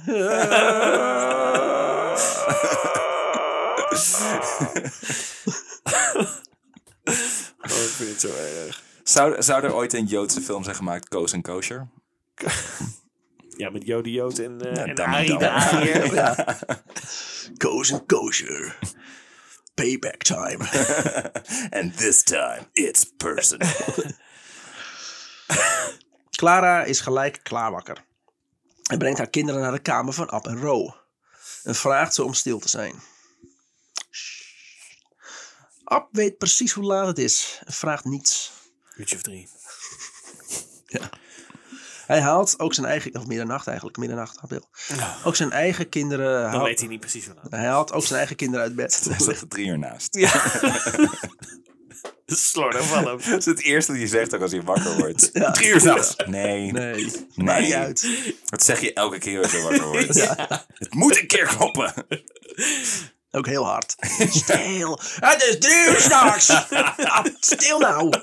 Ah. Idioot. Sorry, ik heb net een software, op, software update gehad. Ja, ja. Zomertijd, kut. Hij haalt ook zijn eigen kinderen uit bed en legt ze naast Clara's kinderen in het grote bed. Ondertussen doet Clara trillend de deur open. Buiten voor de deur staan vier mannen in uniform. Mietkommen, sofort! schreeuwen ze. Voor Clara is, het Du- is Duits haar moedertaal. En ze laat haar sperren zien. En legt kalm uit dat ze, eh, dat ze haar niet mee kunnen nemen. De sperre is namelijk nog steeds geldig. Kijk naar dit stempel. Dat stempel is nog steeds geldig, toch? Ja, ja. Ähm, in jedem Fall kommen Sie jetzt mit, antwoordt een van de Duitsers, nu op een wat vriendelijker toon. Lina en Paul zijn inmiddels achter Clara komen staan. In auch, mitkommen. Lina en Paul snappen er niks van, maar ook zij moeten mee. Oh, die Paul. Ah, ik Ja, wil Paul ook. zo dat hij in een concentratiekamp terechtkomt. Maar dit is helemaal niet leuk! Wacht even. Oh, are we the baddies? Oh my god! Waar heb ik de hele tijd voor gestreden? Ah, ah. Wat voel ik mij dom. Egg on my face. In het Engels. Eh, op de vraag of er nog meer mensen in huis zijn, antwoordt Lina. Nee, eh, alleen ons. Oh, wauw. Clara kijkt in een flits verbaasd Lina aan en denkt: zij moet echt gek op die kinderen wezen. Dan worden Clara en Lina in het truck geduwd. Een soldaat buigt zich inmiddels over Paul. De twee andere soldaten lopen door het appartement heen. Ab hoort het geluid van bonkende laarzen dichterbij komen. En weer weggaan. Zijn hart klopt in zijn keel en rook knijpt in zijn hand. Dan horen ze weer de laarzen dichterbij bonken. En dan weer weggaan. Ab moet inmiddels en deels door de spanning heel nodig plassen. En zegt tegen Ro: Oké, fuck it, ik ga naar het toilet. Wat? Laat het gewoon lopen, man. Ik heb wel eens tijdens een bioscoopfilm gezeten. Ik ga niet naar de wc, want ik wil het niet missen. De- nu ga je ook niet. Je gaat niet. Laat het gaan. Hoe nodig moet die man naar het toilet? Dat weet Ja. je niet. Ja. Dat is zijn pijn. Dan pis je maar in je broek. Ja, echt. maar Ro houdt hem tegen. En zegt: Je zeikt maar in het bed. Je gaat het bed niet uit. Ja. Ja, ja. Nou ja, oké. En zo kwam, kwam het stel er laat in hun huwelijk achter hoe fijn ze... oh, oh, oh. Oh, dit is warm. Oh. Terwijl de kinderen bij hun in bed liggen. Dit noemen ze een golden shower. Oh, die hou ik heel erg van. Een Goldstein shower. een Goldfaber shower. Nee. Nee. Nee. George is Nee, niet. Ik vond hem goed. Maar ja, ik ben eh antisemitist. Stop. Stop alsjeblieft. En dan is het ineens stil in huis. Iedereen is weg. Behalve zij en vier kinderen. Ab weet dat hij nu fucking snel moet handelen. Is even naar het toilet. Schijten. Een half uur, oké. Dat hij denkt, ik moet, ik moet even plassen. Fuck it, ik ga naar de wc. Sorry hoor, maar wat? En dan ook doortrekken. Wat? Een paar keer, hij weet Ja, niet mee. hij blijft hangen. Ja. Zo'n stopper. Ja.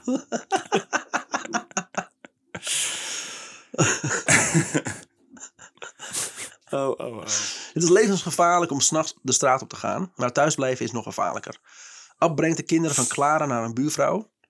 Diezelfde buurvrouw heeft contacten. Maar, eh, ik, Ik denk ook, van, ze komen hoor. toch, waarom zouden ze terugkomen? Ja. Ze zijn toch al geweest? Dan heb ik juist zoiets van, blijf daar in godsnaam. Gaan ze dan Ja, misschien worden ze op, eh, op het bureau gemarteld. Oh ja. Oké, en weer verder. Eh Ab brengt de kinderen van Clara naar een buurvrouw. Diezelfde buurvrouw heeft contacten bij het verzet. En regelt ook onder, onderduikadressen voor Sal en Jaap. En we weten, als het Nederlands verzet erbij betrokken is, dan komt alles Het goed. zeer goed georganiseerde, Ah. centraal eh, ge- geregelde Nederlandse verzet. Waar, wa- wat bestond uit exclusieve mensen die het beste voor hadden met de Joden. Knokploegen. Ja. Mhm. En zo wordt Johnny de Droog ingeschakeld. Fijn. Fijn. Johnny Dry. Hallo. Eh, dezezelfde buurvrouw heeft contacten bij het verzet en regelt ook onderduikadressen voor Sal en Jaap. Ro wordt met een andere vrouw naar een adres in de stad gebracht en Ab gaat naar een kennis die voor hem een vals persoonsbewijs kan regelen. Binnen een paar uur heeft hij alles geregeld. Ab en Ro wachten in spanning tot hun kinderen worden opgehaald. Als ze eenmaal achter op de fiets zitten, mogen ze niet meer omkijken. Ze zijn te bang dat de kinderen dan te hard moeten huilen. Ab denkt dat eh, Lina en Paul wel snel weer worden vrijgelaten en legt een briefje op de keukentafel. Met op de tekst: Ik heb me vrijwillig gemeld voor Westerbork. Een uur nadat de he- het hele gezin het huis heeft verlaten, stappen Lina en Paul het huis weer binnen. Clara zit op dat moment al in haar eentje in de Hollandse Schouwburg te wachten op het vertrek naar Westerbork. En de deel 1, jongens. Eh, Oh. Oké. Ja, oké. We zijn nog niet Oké. aanbeland in een concentratiekamp in ieder geval. Nee. Dus fingers crossed. zijn De, hoofd, de hoofdrolspelers Ja, oké. althans. Hoe voelen we ons? Eh, Nou, ik vond de kreeft heel leuk. Ja. Eh, Dat, dat stuk wat En- niks te maken had met het ja, verhaal. precies. Ja, ja, precies dat, dat, was ja. heel fijn. Hoe verder we afdreven van het verhaal, hoe fijner nee, het was. deze verhalen bevestigen voor mij gewoon iedere keer weer hoe vre- en dat weet je, met hoe vreselijk het was en hoe moeilijk ik dat dan ook vind om aan te horen, omdat Ja. het. ehm, Ik moet wel zeggen, het valt me allemaal tegen van de nazi's. Ik, Ja. eh, ik ga de volgende keer niet meer op ze stemmen. Dit is, Ja, ik, nee, ga je geen FVD meer stemmen? Nee, nee Oh. ik, ik, ik heb, ik heb zo'n... ik besef me altijd door dit verhaal hoe weinig ik weet van die oorlog. Ik weet een beetje globaal werkt het. Ja, wat je zei over die heat, heat, heat eh, vent ook. Die, Ja, eh, Adolf Anton. Hitler. Ja, die... Adolf ja, Hitler. Ja. Ahold, ja. Eh, ja. Nee, ja, ja, ja, ja. Ik vind het gewoon eh, eh, iedere keer weer. Het kan nog alle kanten op. Het is zo. eh, het is, zo- het is, het is zo. zo eh, hoe, hoe het opbouwt. Dus de- hoe de. eh, de lang, eerst. wa- Waar we het net even over hadden, zeg maar. Het, het, het- eerst zijn ze nog een soort van. Nou, dat mag niet. En dat mag nu ook niet. En dat mag nu ook niet. Je mag nu je gemeente niet meer uit. Het zijn allemaal van die dingen waar je nog wel mee kan moment- leven. Van, En op een gegeven moment ja, is het gewoon in één keer, eh, ja. En, en soms zie ik de logica niet als in, dan, hè, net als met die mensen die op dat plein worden verzameld. Ja. En nou, die mag dan vrij en dan weer Ja. niet. Heeft het dan te puur te maken met hoeveel mensen ze mee kunnen nemen? Want ergens hebben ze daar ook weer scheid aan. Want Nou ja, die denk- kampen werden helemaal volgestouwd. Ja, ik denk dat die fuiken die ontstaan, gingen ze gewoon de joden eruit filteren. Want er waren ook mensen die in zo'n fuik liepen die eh, niet joods waren. En niet naar zo'n kamp hoefden. Ja. En dat was een beetje de, de filtering. Oh, oké. Dus misschien iedereen... Nou ja, nee, ze, hebben sowieso al een paar Joodse mensen inderdaad vrijgelaten. Want onze hoofdrolspelers. Ja, ja. En, en ja, ze gingen dus deels zo geleidelijk te werk omdat ze geen, geen opstand wilden. Om, te, om, het, om langzaam dat mensen daar steeds, net zoals dat aanvankelijk Rusland langzaamaan Oekraïne heen aan het nemen was. Eh, Zeg maar alleen de Krim. Nou, wachten we een paar jaar tot iedereen daar een soort van aan gewend is. ja. En dan gaan we weer verder. Dat was volgens mij aanvankelijk het plan, ja. Dus ja, ik, eh, ik ben... Ik, Het voelt als een horrorfilm een beetje. ja, het voelt... eh, Het, het, ik, eh, dat je het ook mooi, heel net op de bank zit van waarom ga je in godsnaam, ga dat huis uit, ga nou weg. Het is een beetje uitzichtloos is het. Ja, Continu. maar die Je mensen weet weten wel niet dat, het- ze in een horrorfilm zitten. En, ja. Ja. bij- kijk, ze weten, en deze mensen weten ook niet dat de Nee. oorlog over een aantal jaar over is. Ja, dat is, dat is ook zo. eh, Dat is het inderdaad. Wij, wij weten dingen, net als in een horrorfilm, wij weten iets als in een horrorfilm als kijker, die de, die de hoofdrolspelers niet weten. En dat is Ja. hier ook. Wij Zij weten wanneer het eindigt. Wij weten wat er in die kampen gebeurt. Wij weten wat. eh, eh, Ja. En daarom zit je ook zo van: oh, dit kan alleen maar fout gaan. Want ja, dat weten ze niet. Want ze doen alles maar in dat moment omdat ze denken van ja, we moeten het. Ja, weer een Ik dagje moet mijn extra. gezin redden, ik moet een dagje erbij kunnen kopen. En, en als ik daarheen ga, is het wel echt zo slecht? Misschien hoeven we daar alleen maar te werken. We we weten het niet. Nou, en zelfs met die, met die Joodse raad, ik eh, hoor eh, s- steeds maar, eh, vaker mensen eh, discussiëren over de soort van opkomst van, de fascisme, van het fascisme op dit moment. En in hoeverre je, net zoals de Joodse raad had volgens mij het idee van, nou, we gaan het zoveel goed doen als we kunnen doen binnen de organisatie. Maar de vraag is, in hoeverre is dat mogelijk? En dat is de- dan, ja, De Joodse Raad werd er voornamelijk opgericht is omdat er in het begin van de oorlog eh, er ook Joodse knokploegen ontstonden. ja, Dus ja, mensen, eh, Joodse mensen die, die NSB'ers van elkaar begonnen te beuken. En er was een gigantische rel ontstaan. En eh, toen, hebben, 42. ja, toen hebben de Duitsers besloten van het is klaar zo. Eh, we slaan eerst al die knokploegen helemaal tot pulp. En dan eh, creëren we een orgaan die lijkt alsof ze het eh, beste eh, te doen hebben voor de Joden in. Nederland. Ja. Alleen, het is gewoon een doorgeefluik van wat wij vinden. Ja. Want als, je niet, als de mensen in die raad niet luisterden naar de bezetter, dan werden ze gewoon geliquideerd. Ja, ja, En dat is- men dat- was dat- toch Dat is het argument dat soms wordt gebruikt. Zo van, kun je in, in, in Amerika bijvoorbeeld nog echt het politieke stelsel en, en echt wat betekenen gezien hoe verschrikkelijk corrupt het is en hoe het bedrijfsleven overal in zit. In hoeverre is het mogelijk om van binnenuit een organisatie te veranderen? Als het al bijvoorbeeld, als, als, als boven een Joodse raad gewoon de fucking nazi's staan, inderdaad. In hoeverre is er dan nog iets mogelijk? Maar ik snap wel dat ze het hebben willen proberen. Ja. Ook om hunzelf en hun families natuurlijk te beschermen. Dus, Ja. ja. Maar goed, volgende week de ontknoping. Meer. App en room. Tot volgende week, jongens. Tot volgende week.